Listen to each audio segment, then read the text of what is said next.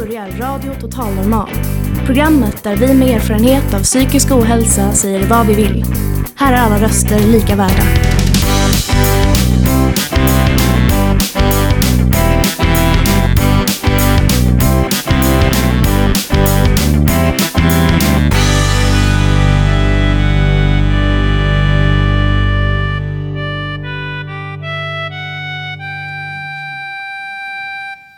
Hej och hjärtligt välkomna till Radio Total Normal, ditt psyke i etern.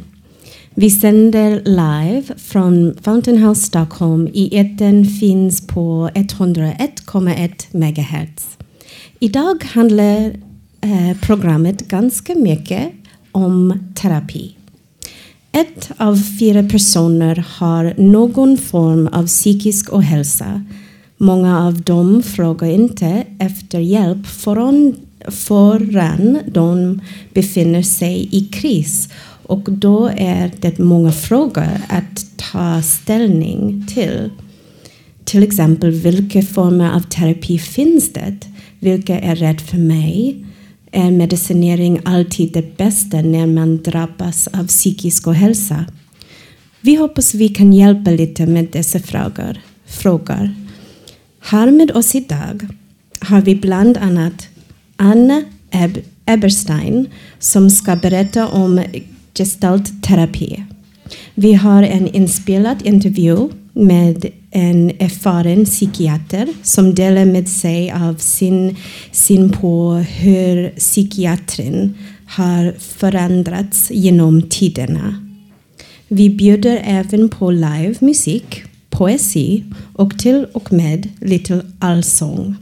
Varmt välkomna. Jag som är programledare heter Kristen Komen.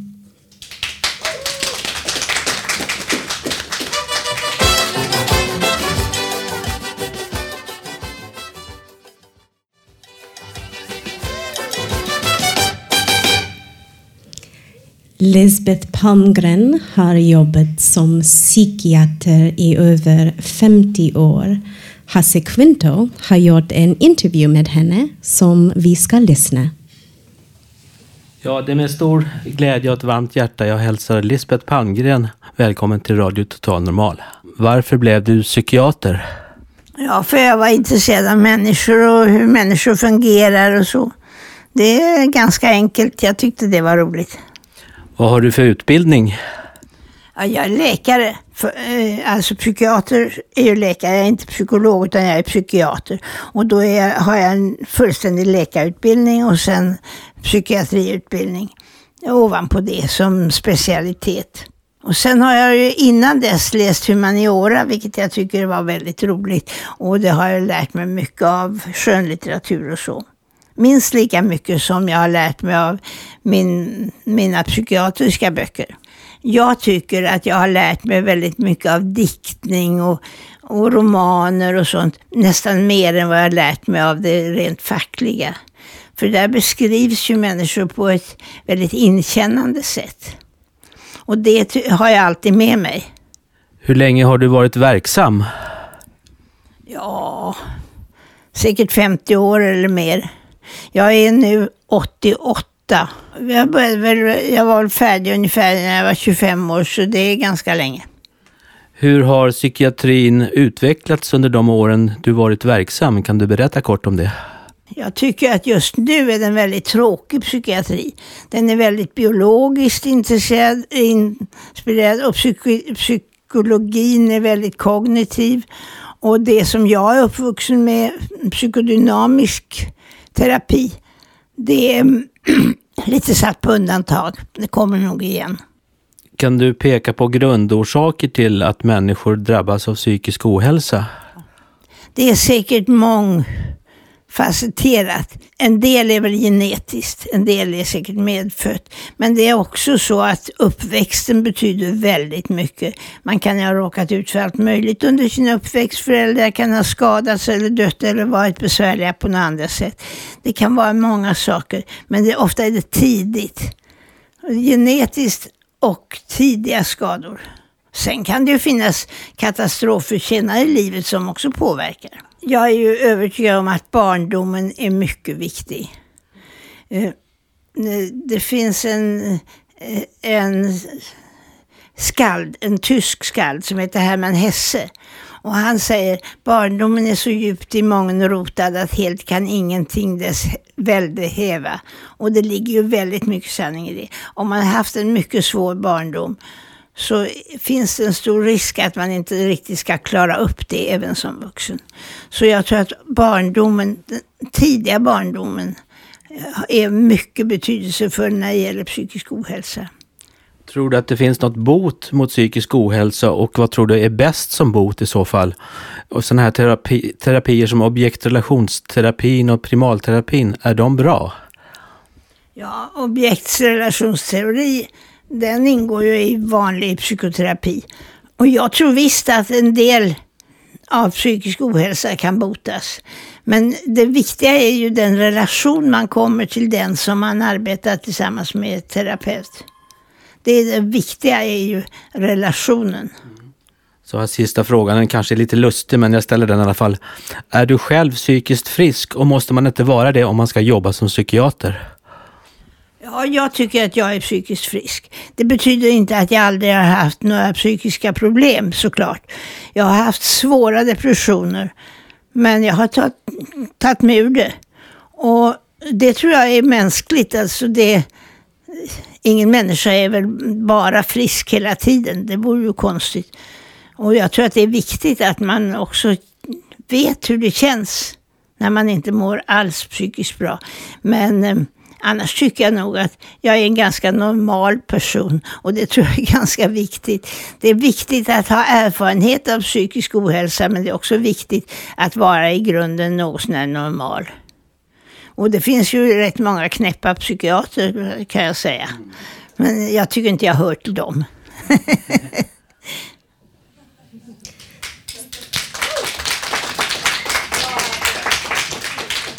Tack Hasse och Lisbeth.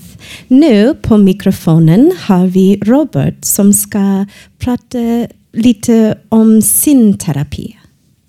Ja, hej. Jag pratar om terapi. Jag har gått sedan eh, 6-7 års ålder hos olika människor. För att min mor blev ensam med mig.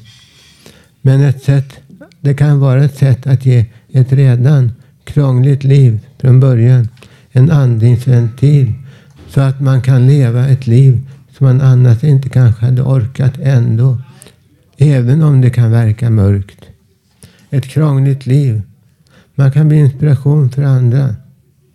Att använda sitt eget liv som förebild för sig själv eller sina mål.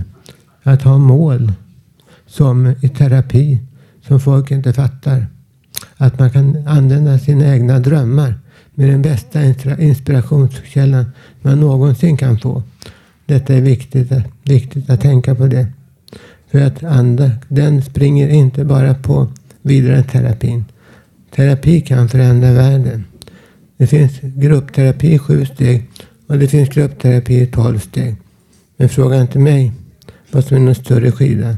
Jag gick hos en, i en grupp i tonåren och det förändrade mitt liv faktiskt. Totalt. Och det fattar väl inte ens de. Vi har mist kontakten nu. Jag är så gammal så att några är döda. Och det är så i den gruppen.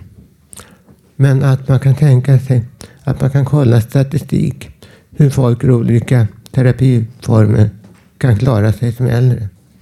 Men visst, osäker är jag. Trots all terapi. Men att ha rätt att ha, ha ett mål och ha rätt att ha drömmar, även om man är schizofren, måste man ju faktiskt få, eller man har, har några saker. För att drömmarna och målen kan vara det som gör att man faktiskt kan pinna iväg. Även om man åker ut på gatan ett tag eller någonting. Terapi kombinerat med yoga kan också vara bra. Och barn borde helt logiskt. Jag minns min egen barndom. Hur rädd, rädd jag var för gymnastik och allting. Yoga hade kanske kunnat petas in där. För att komma någonstans. Där förstår inte vanligt folk. För mig i skolan så var gymnastik en mardröm. Men nu som vuxen, vuxen har jag mött yogan. Jag förstår själv att det skulle kunna förändra världen.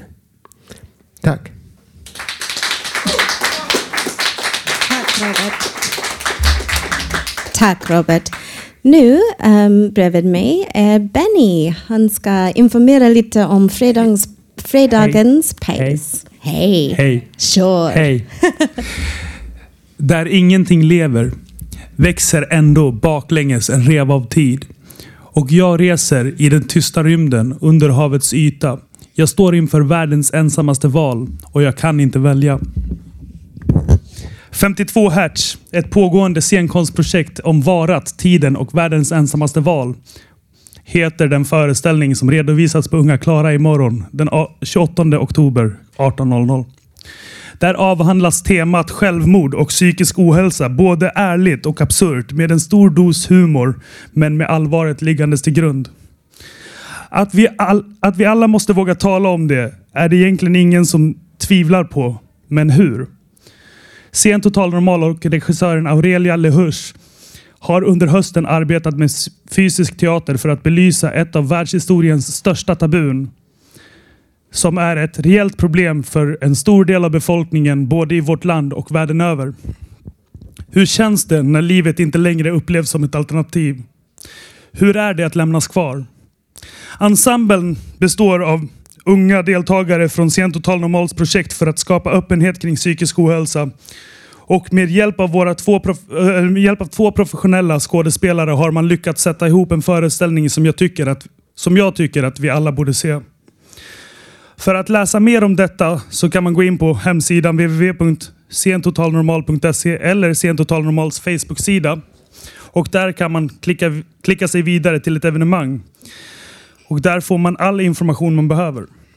Alltså, Scen Total Normal, 52 Hertz, den 28 oktober klockan 18.00 på Unga Klara i Stockholm. Kom dit. Jag vet inte om jag sa att det är fri entré, men om jag inte sa det, att det är fri entré, så är det alltså fri entré. Men vi har också fått ett mail. Jag tänkte ta den här grejen också. Ja. Det är alltså ett mail på våran uh, musik.radiototalnormal.se. Det är en demo. Så här, så här låter det. Hej, vi är ett indie-rockband från Stockholm som heter Radio Maywave. Vi skulle gärna vilja att ni spelade vår låt Rings of Saturn på er radiokanal. Låten handlar om att släppa stress, liksom ångest, och istället slappna av och njuta om en för en kort, st kort stund. Vilket kan vara så, skön, vara så skönt att det känns att som att flyga ute i rym rymden. Förhoppningsvis når denna känslan ut på något vis genom, genom denna låt. Med vänliga hälsningar Vera Linn från Radio Maywave. Så här får ni den.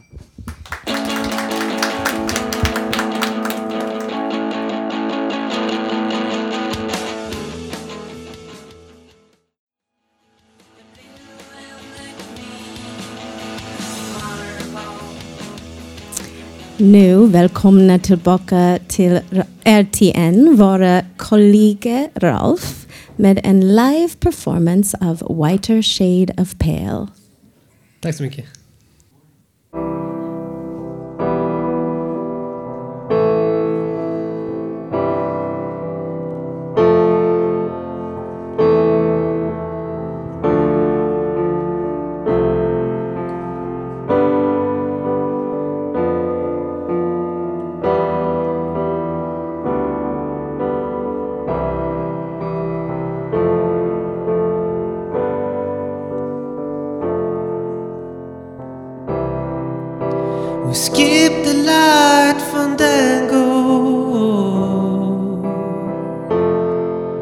Turn cartwheels across the floor.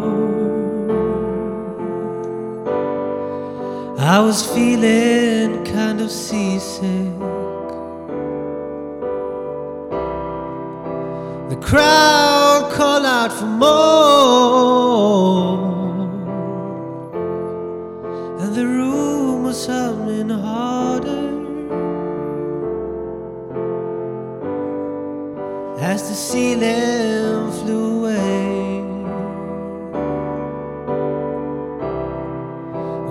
called out for another drink, the waiter brought a tray. And so it was till later As the miller told his tale,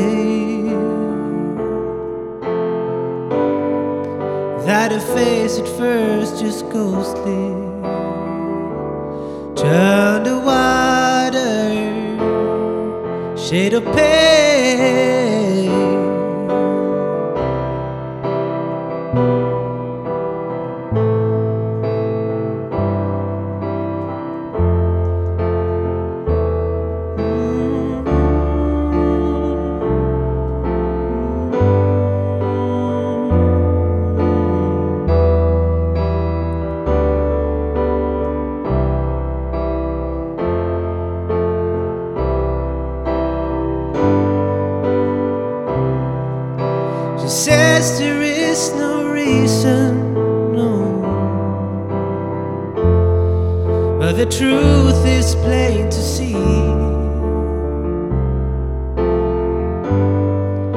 As I wander through my playing cards, and won't I let it be? One of sixteen vessel virgins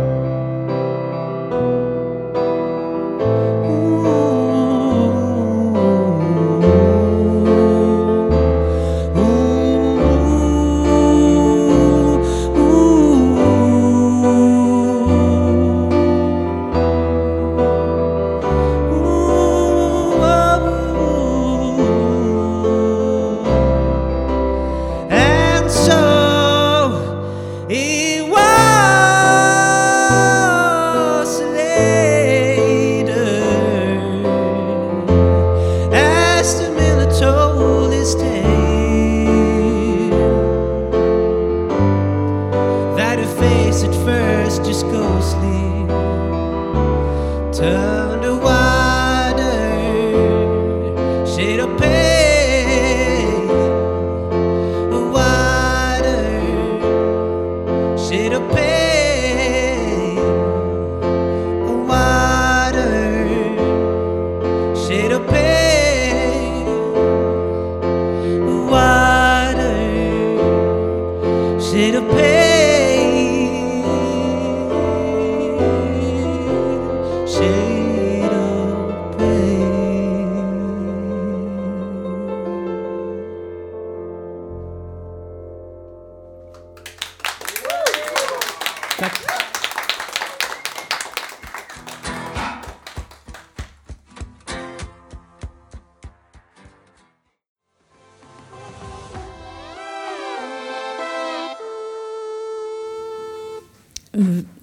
välkommen vi till programmet Kirsten Holke.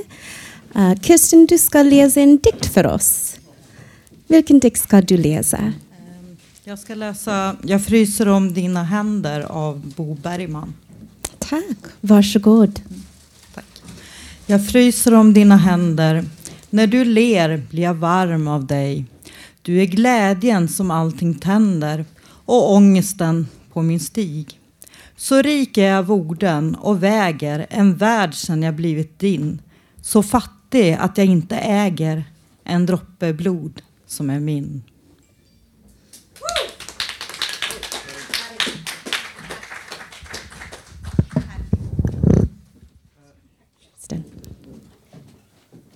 Tack Kirsten. Nu har vi um, Katarina Eriksson um, med oss. Uh, och Katarina, du ska läsa en text om att förlåta eller glömma. Det stämmer och den har jag gjort själv. Bra. Vi befinner oss i 30-talets Sverige i en liten by i Västmanland. Där möter vi en pojke som heter Olof. Han går sina tre kilometer till skolan varje dag med sin bror och lilla syster.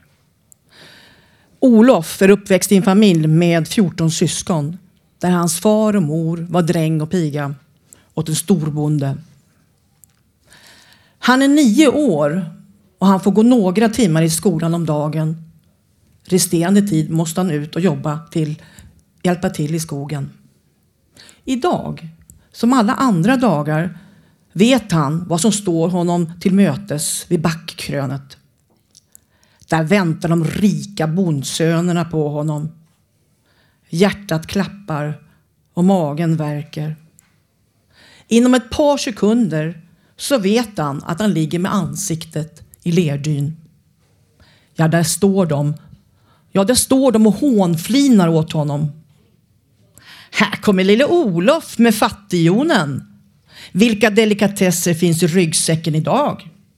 Salt, sill och hårt bröd. är byxorna ordentligt lappade idag efter gårdagens spö? Hans mor har slitit hårt för att lappa ihop hans byxor. Hela nätterna satt hon uppe framför symaskinen och lappade och lagade sina barns kläder. Mor tyckte att det var viktigt att de var hela och rena när de gick till skolan. Varje natt somnade hon utmattad framför symaskinen. På morgonen gjorde hon i ordning matsäcken åt alla barnen. Den bestod inte av några läckerheter som smör och korv och mjukt bröd.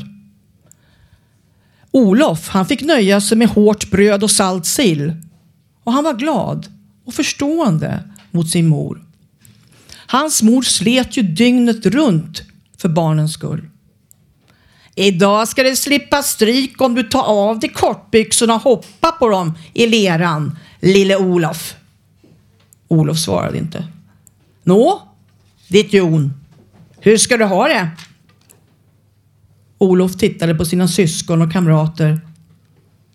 Tillsammans stod de sats och sprang rakt in i klungan med bondpojkarna. Den här gången lyckades de forcera bort bondpojkarna. Så här såg Olofs väg ut till skolan varje dag. En enda stor kamp för att försvara sig, för att överleva. Några decennier senare, i samma lilla by i Mellansverige, går jag, Olofs dotter, till skolan. Ingen såg, ingen visste vad som hände mellan 7.50 och 8.20 varje dag. Det brummade från ljudet av mopederna som jag hörde på långt avstånd. Nu visste jag att jag måste ta mig snabbt över bron, över den snirklande ån i byn för att slippa bli inprejad i räcket. Det blev nya strategier varje dag för att slippa denna klappjakt. Hoppa över och gömma sig under bron eller bakom anslagstavlan eller vid glasmästeriets gård eller under andra bron närmare kyrkan. Sista biten var det bara att springa till skolan, ner i den lilla parken som låg som en liten dal vid kyrkan. Där var det svårt för mopederna att fånga in mig.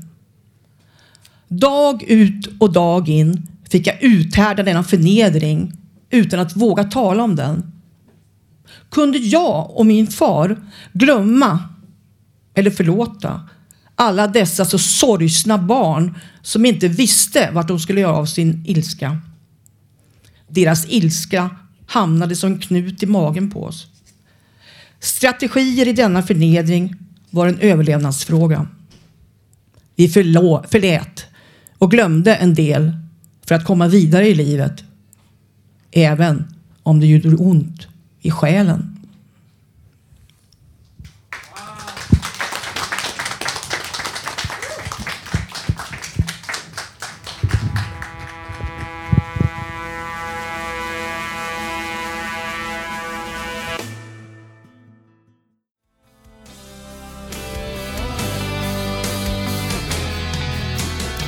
Så det var un The Unforgiven av Metallica. Nu ska ni få höra en dikt av min kollega Cynthia Anderson som heter Inom mig. Jag känner ingen mening, bara en evighetsplåga. Alla delar som är där för att lära. Jag känner lite hopp och tror nu finns det chans att återrätta om mörkret släcker ljuset inom mig. Trist, liten och lam. Jag skrattar ut mitt ångest, faller på fot och det skiner igen. Nu ser jag en gammal vän, en illusion som får mig att tro. Tror det finns en annan väg, rik med glädje och harmoni. Jag lurar mig själv igen och inser igen att jag är fast i drömmen och vaknar aldrig från detta skadade hjärta inom mig.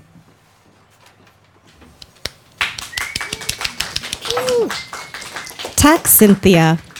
Nu um, ska vi säga hej till Håkan Eriksson. Um, ehm, Håkan, vad ska du dela med oss? Jag ska prata om psykisk ohälsa. Jag hade själv en eh, tuff barndom. Jag hade föräldrar som jobbade, så jag hade barnskötare. Och, de, och jag blev väl osäker. De hade olika roller. Och det följde upp mig i skolan dessutom och allting. Men jag anser att har man en psykisk ohälsa, oberoende vad det är för diagnos man än bär på, så var inte rädda att berätta er bild på den och hur ni ser den. För det finns mycket fördomar och genom det så eh, kan vi sprida information till alla som har fördomar och minska på den. Tack. Nu um, på programmet, vi har många gäster. Så nu ska vi välkomna tillbaka Carl Unbom. Och Carl, du ska läsa en dikt som heter Jag minns min sommar. Så, varsågod. Jag vet inte när ensamheten kom. Bara tiden tycktes liden den här sommaren då träden slokade håglöst i värmen. Och vattendragen var lika stillastående som hopplösheten själv. För mig var denna tid ändå alltid en uppgiven då människan framhärdar under sinnesnjutning och allra helst under lättjans egen vägledning. Där tanken inte orkar ta hänsyn till nästan, där tilltar glömskan och denna frodas allt för väl i övermogna lundar. Och nu var tiden allt för långt gången och människan bedövad av sin egen dröm om kärleken. Ni lät blomsterbarnen dansa en sista tid, men glömde att denna påbörjade en vandring. Längs vägar där bara okända tecken skulle komma att tala om livets gåtor. Jag sökte okända platser i hopp om andra tecken. Och en dag såg jag ett handavtryck på ett fönster som jag vet en gång stod öppen mot gatan och som ingen längre vågade kalla för en spegel. Längre fram om kvällen föll skuggor av bredvingade fåglar på väggen och alla tycktes lyfta från en bortglömd värld och lämna denna likt den mänskliga längtans egen ruin.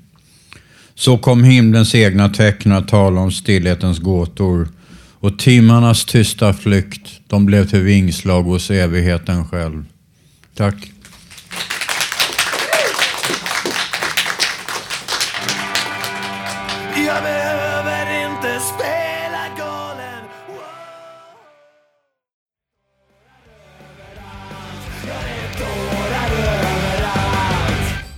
Nu har vi Dan Svensson med sin keyboard. Dan, hej! Hej, hej. Eh, jag är tacksam över att få komma hit till Fronting House och få spela live. Eh, eh, vi hörde Karl läsa en dikt alldeles nyligen. Och jag har faktiskt fått en dikt i mina händer Och där ska jag försöka och göra tonsätta den. Och det blir till ett kommande program. Eh, ja, jag måste säga också att det jag tänker spela här nu, det vet inte jag. Och jag brukar säga att min bästa publik är de som inte betalar entré, för då får jag spela precis vad jag vill. Det är väl bra?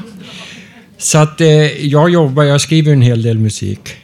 Så att jag kommer improvisera här och använder mig av olika snuttar då som jag många gånger väver tillsammans till en. Jag vet inte alls vad det här kommer bli, men jag har en klocka framför mig så att jag får, får sluta i god tid.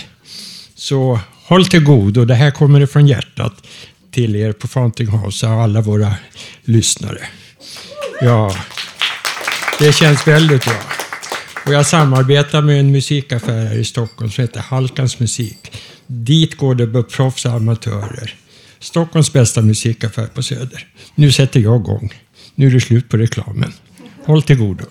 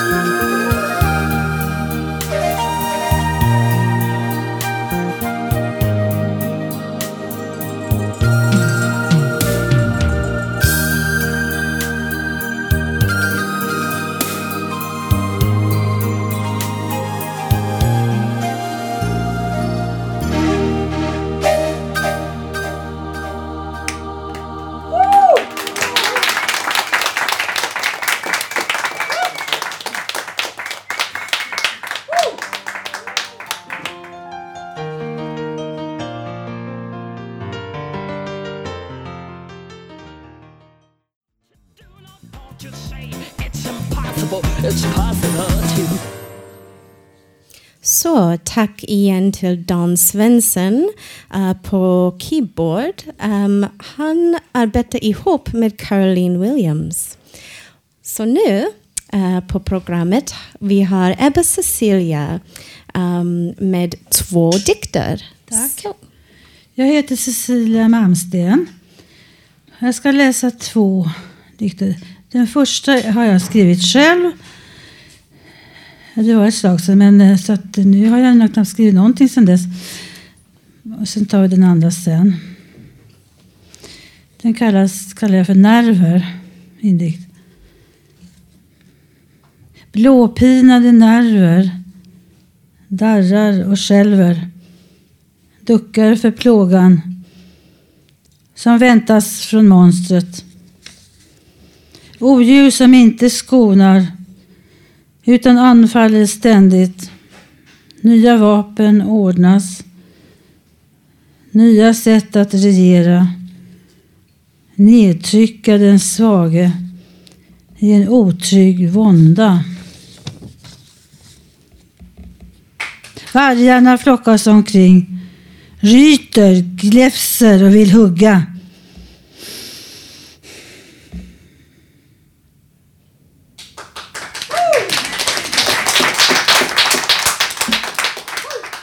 Tack så mycket. Sen vill jag ta en, en författarinna som är så fantastisk. Som många ungdomar läser. Jag läste den också.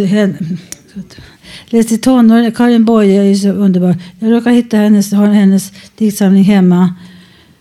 Och slog upp den här dikten. Jag har inte läst alla än. Men den kallas för Kärnsång.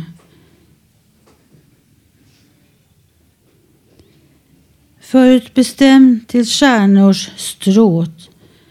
Vad rör dig, stjärna, mörkrets gråt? Väl salig genom tiden fram. Onålig för nöd och skam.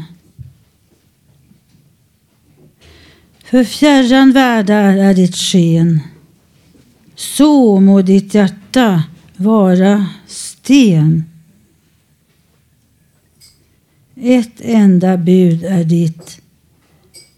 Var ren.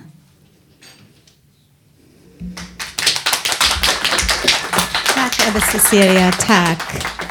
Nu på programmet vi har min kollega Per som ska dela en text för oss um, som heter Enkla matcher.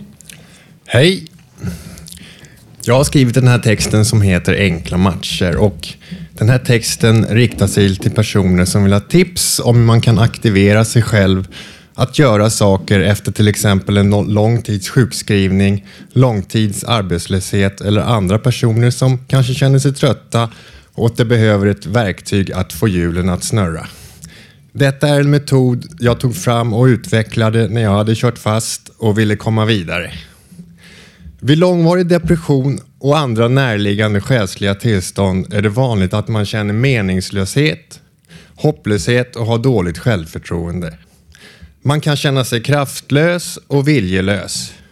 Man kan ha svårt att engagera sig och man kan känna att allt känns jobbigt. Man kan känna sig väldigt sårbar i en maktlös situation. Detta tillstånd kan ge upphov till eller förstärka olika former av rädslor. Rädslorna kan då vara av existentiell karaktär, såsom att rädslan för att göra fel, att inte passa in, att ta ansvar, att vara ett socialt sammanhang. Dessa rädslor kan förstärka den blockering som hindrar lusten och modet till att agera. Det kan bli till en slags själslig rundgång, en slags nedåtgående spiral som kan sluta i total apati och tappad livslust. För att bryta detta tillstånd krävs ett program, en planering som skapar en kontinuerlig rörelse i tanke och handling. Enkla matcher. Genom att bestämma sig för att följa sin planering dag för dag förflyttar man sig sakta ur stillaståendets fängelse. Den här metoden går ut på att man väljer sina egna högst personliga enkla matcher. Med begreppet enkla matcher menas saker som man vill eller kanske behöver göra. Saker som du inte kan misslyckas med i egentlig mening. Saker som du orkar göra. Poängen ligger inte i vad du väljer för matcher utan att du väljer en match för varje dag. Ladda upp med 7-8 idéer till att börja med så har du för en vecka framöver. Den enklaste matchen jag har kommit på är att snurra en tallrik. Inte så väldigt jobbigt. Den finns inte på mitt matchprogram, den spar jag till om jag får influensa. När du börjar bli varm i kläderna och har hittat ett eget sätt att matcha ökar du sedan svårighetsgraden på dina matcher. Allt för lätta matcher blir i längden understimulerande och tråkigt. Kanske du är coach. Blir det för tungt en dag så planera in en enkel match till följande. Metoden bygger på att du hela tiden fyller på din lista med matcher som du sedan plockar in när du väljer följande dags match. Känner du dig stark och tänker att du passar på att ta både tisdagens, onsdagens och torsdagens matcher på samma dag förlorar metoden hela sin poäng. Det är inte kvantitet som räknas utan kvalitet. Inte effektivitet utan kontinuitet. Enda sättet att bli starkare är att träna, såväl psykiskt som fysiskt. Det finns inga genvägar när det gäller att bygga upp sin inre och yttre styrka. Riktigt tunga matcher. Hur planerar man för och väljer en riktigt tung match? Vad är en tung match? Svaret vet du. Du är coach. Planera ditt matchande efter eget huvud. Glöm inte, bara en match om dagen. Och jag har lite material som beskriver metoden om någon är intresserad. Tack!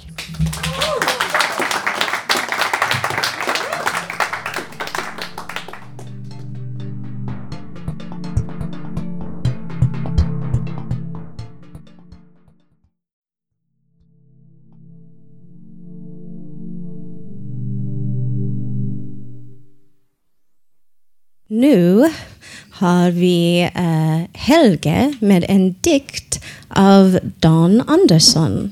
Så varsågod. När de gamla såren heta tära. När din kind är vett av ensamhetens gråt.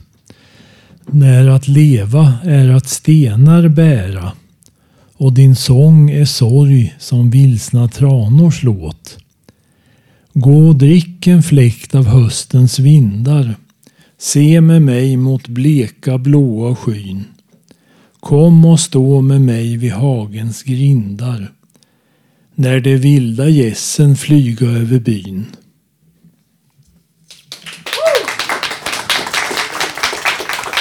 Tack Helge.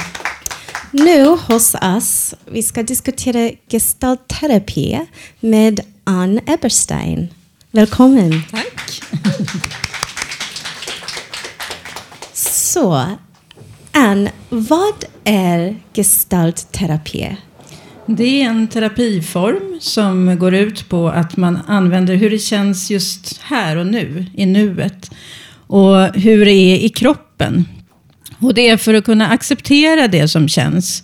För man tänker att när man accepterar det som känns, då kan det plötsligt förändras och få det blir lättare att märka att man får vara som man är. Och man kan låta det förändras på ett helt annat sätt. Så om man till exempel är arg och så låtsas man att man inte är det. Jag är inte arg, jag är inte arg, jag är inte arg, jag är jätte, jätte, jätteglad. Då blir det till slut väldigt tomt där inne och man blir väldigt rädd för det här arga så man känner att snart tar det över. Och, och då istället så är det så att hur är det att ta fram den här ilskan och titta lite på den och när man gör det då i gestaltterapi och märker hur känns det i kroppen att vara arg och vill du slå lite någonstans eller så. Eh, då förändras den. Då märker man att man, det var inte så farligt. Så ilskan behöver inte ta över en på det sättet utan det är man själv som håller i rodret på ett annat sätt. Så hur arbetar du som terapeut? Um, terapeut? Jag arbetar väldigt mycket med kontakt. Att jag är en vanlig människa fast jag är i terapisitsen. Och, eller terapeutsitsen och klienten är liksom, vet mest om sig själv. Vet mer om sig än vad jag vet. Och hur ser den kontakten ut som vi har just nu? Och så speglar jag vad jag upplever och frågar hur det känns i, i klienten. Hur är det i kroppen just nu? Hur känns det nu? Och kan du överdriva det? Kan du märka det? Och hur, ja. Så det är väldigt mycket nuet, väldigt mycket kontakt, mycket kropp. Och sen att göra sig medveten om hur det känns. Okay. Och då är det också lättare att ta ansvar för hur det känns. Om man märker att jag blir jättearg nu. Om man säger det, jag är arg nu. Så blir det väldigt mycket lättare för dem runt omkring än om man låtsas som något annat. Ja. Um, jag skulle vilja också säga till publiken, ni får fråga, bara se om, om ni har en fråga för honom också. Um, uh, vad är speciellt med denna form av terapi till skillnad från andra? Alltså, jag, jag tycker att det viktigaste är att eh, när man accepterar det här som man inte står ut med hos sig själv, det är då det kan förändras. Så att det är inte att man liksom tvingar sig att vara på ett annat sätt, utan det är att man går med sig själv istället för att mot. Att man tillsammans med någon människa får vara så som man är. Och märka hur det känns och märka att det är välkommet. Det är då det kan ändras. Det tycker jag är vackert och det tycker jag är ganska specifikt för gestaltterapi. Men det finns säkert i andra terapier också. Ja, Malin. Alltså, sitter du där och så får den vara arg på dig då, den som du har terapi med? Eh, nej, bara om den är arg på mig. eh, men annars är det ju ofta att det inte är just mig den är arg på. Utan den kanske, då kanske en klient säger att jag är så arg på min chef eller någonting. Eller på vad som helst, vem som helst. Och då kan man göra på massa olika sätt. Men en teknik kan vara att eh, tänk dig att den här chefen sitter på stolen framför dig. Och så säg till den precis hur du känner i kroppen just nu när du ser den framför dig. Ja, men jag känner mig lite rädd. Eller ja, var känner du det? Ja, men det darrar lite i benen. Ja, säg det till chefen. Ja, när jag ser på dig så börjar det darra i mina ben. Och sen får man gå över och sätta sig och vara chefen. Och då säger man att, ja, hur känns det att höra här att din anställda börjar darra i benen när den tänker på dig? Ja, nej, det var ju inte meningen. jag känner mig, ja, vad den nu känner sig. Och så händer det någonting i, i själva det. Att det blir kontakt. Det bygger väldigt mycket på kontakt. Att kontakt är det som helar, som blir verkligt. Kontakt mellan dig och... Nej, kontakt mellan... Eh, med verkligheten kan man säga. Eller med sig själv. Eller med det som... Med Eh, med situationen, eller med mig, eller med den här chefen, även fast den inte är där. Mm. Har vi mer frågor? Ja. Jag tänkte fråga, hur ser planen ut? Kontraktet som ni har, inledning, avslut? Eh, det är faktiskt väldigt olika beroende på vem det är som eh, kommer också. För man brukar liksom göra ett avtal från början. Men själva grundavtalet är att jag kan inte skriva ut medicin om man mår liksom så dåligt att man vill ha en medicin eller att man vill ha en läkarkontakt så får man ha den själv, ansvara för det själv. Att man kommer en gång i veckan, att jag inte finns till hands däremellan, men jag finns fullt den timmen. Och att man säger till minst en gång innan man vill avsluta, så att man kan ta en ordentligt avslutargång. Men ofta är det kanske en gång i veckan, tio gånger, och så avgör man efter det. Hur vill du fortsätta? Vill du fortsätta? Räcker det som... Ja, okay, mm. Ja, vi behöver mikrofon. Vad är kostnad då till det där? Alltså det är också lite, för mig är det olika beroende på om man, om man går till mig just så är det olika om man är arbetslös eller inte. Så som minst kostar det 400 och som mest kostar det 700 i timmen. Beroende på... Försäkringskassan, eh, hjälper det där med, med eh, F-kort? Nej, sånt? tyvärr gör inte det. Det är det som är så otroligt tråkigt. Mer frågor? Ja, varsågod. Um, är det, jag vet inte om, en reflektion bara. Um, det är ett slags rollspel som, som är gestaltterapi.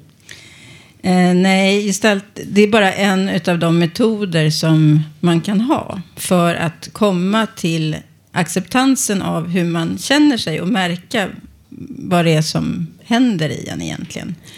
Och att göra om det till nu. Alltså det, ofta är det ju egentligen ens mamma eller pappa som man har på den där stolen. Eh, och då är det ju egentligen, ofta kanske den mamman eller pappan är död eller aldrig har varit närvarande. Men då är det bara att våga vara som om den är där just nu. Så märker man, vad är det som händer i mig nu? Istället för att man går tillbaka till vilket trauma är det som, eh, som jag vet att jag haft. Det är liksom det som kommer upp i stunden som man kan använda. Det som finns kvar i kroppen. Okej, vi har en fråga här. Ja, jag undrar så, egen erfarenhet, om det är för att man söker terapier, eh, psykologer och liknande, så blir man nobbad för att man har varit har en viss diagnos, eller ja, det är bara eh, rätta som inte har sjukhuskontakt som får, får du tar emot. Och det har jag upplevt det. det och nej, nej. Och på psykiatri får man ingen psykolog. Jag får hitta på själv. Är det så? De, de kollar och testar vad man är, vilka problem man har. Eh, alltså för min del så får vem som helst komma till mig. Och däremot så kan det vara bra att ha en läkarkontakt också. Eh, om man mår så dåligt. Eller att man behöver ha en, någon som kan finnas där oftare. Men jag kan ju vara ett komplement oavsett vad man har, hur man mår. Så, tack allihopa för frågor. Um, en fråga till, Ann. Um, om man är intresserad av, um, av your um, uh, eh, gestaltterapi, när kan de hitta mer information? Det är, det är, man kan slå på gestaltterapi på nätet. Det finns också SAG, Sveriges auktoriserade gestaltterapeuter, en sida. Och sen så själva jag heter www.anneberstein.com. Nej, .se heter jag visst. Ann Eberstein, tack så jättemycket. Tack.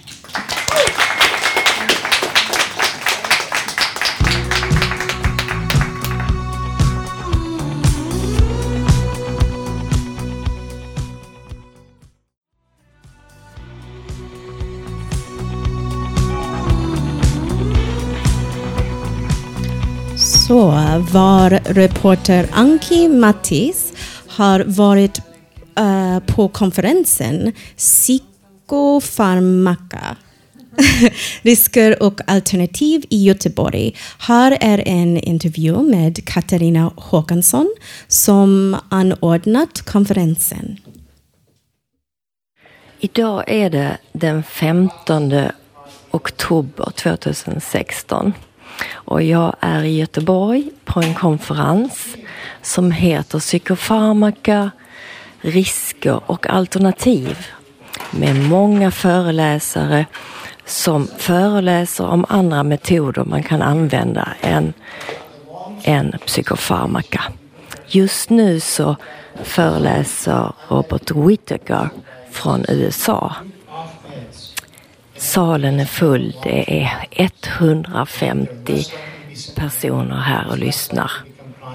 Både professionella och patienter inom psykiatrin. Och det är mycket, mycket intressant. Och framför mig har jag nu Karina Håkansson. Och berätta lite vem du är, Karina. Ja, jag är socialarbetare från början. Eh, sedan många år psykoterapeut. Eh, jag har nästan hela mitt yrkesverksamma liv arbetat tätt tillsammans med så kallat vanliga människor, det vill säga familjehem. Eh, jag tror inte på psykiatriska diagnoser, har aldrig gjort det, så jag tycker det är helt underbart nu att kunna ha ett helt liksom, scientific symposium. Där, där... Och det är du som har arrangerat det här, eller hur? Du tillsammans med några till. Hanna Lundblad och Alexandra Lindelöf, eh, mina två kollegor och jag har gjort detta, ja. Helt fantastiskt för här är föreläsare från USA, från England, från Danmark. Ja, alla, alla som är här och talar idag är människor som, som vi har haft och som jag har haft kontakt med sedan många, många år tillbaka. En del och en del är, är nya. Liksom.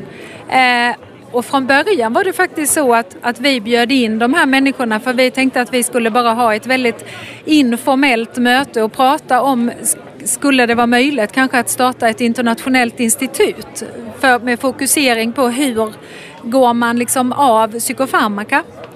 Eh, och sen när alla människorna sa ja, precis alla som vi inviterade sa ja. Då tänkte vi så här, nej men då kan inte vi bara ha dem för oss själva utan vi måste liksom bjuda andra människor på detta också.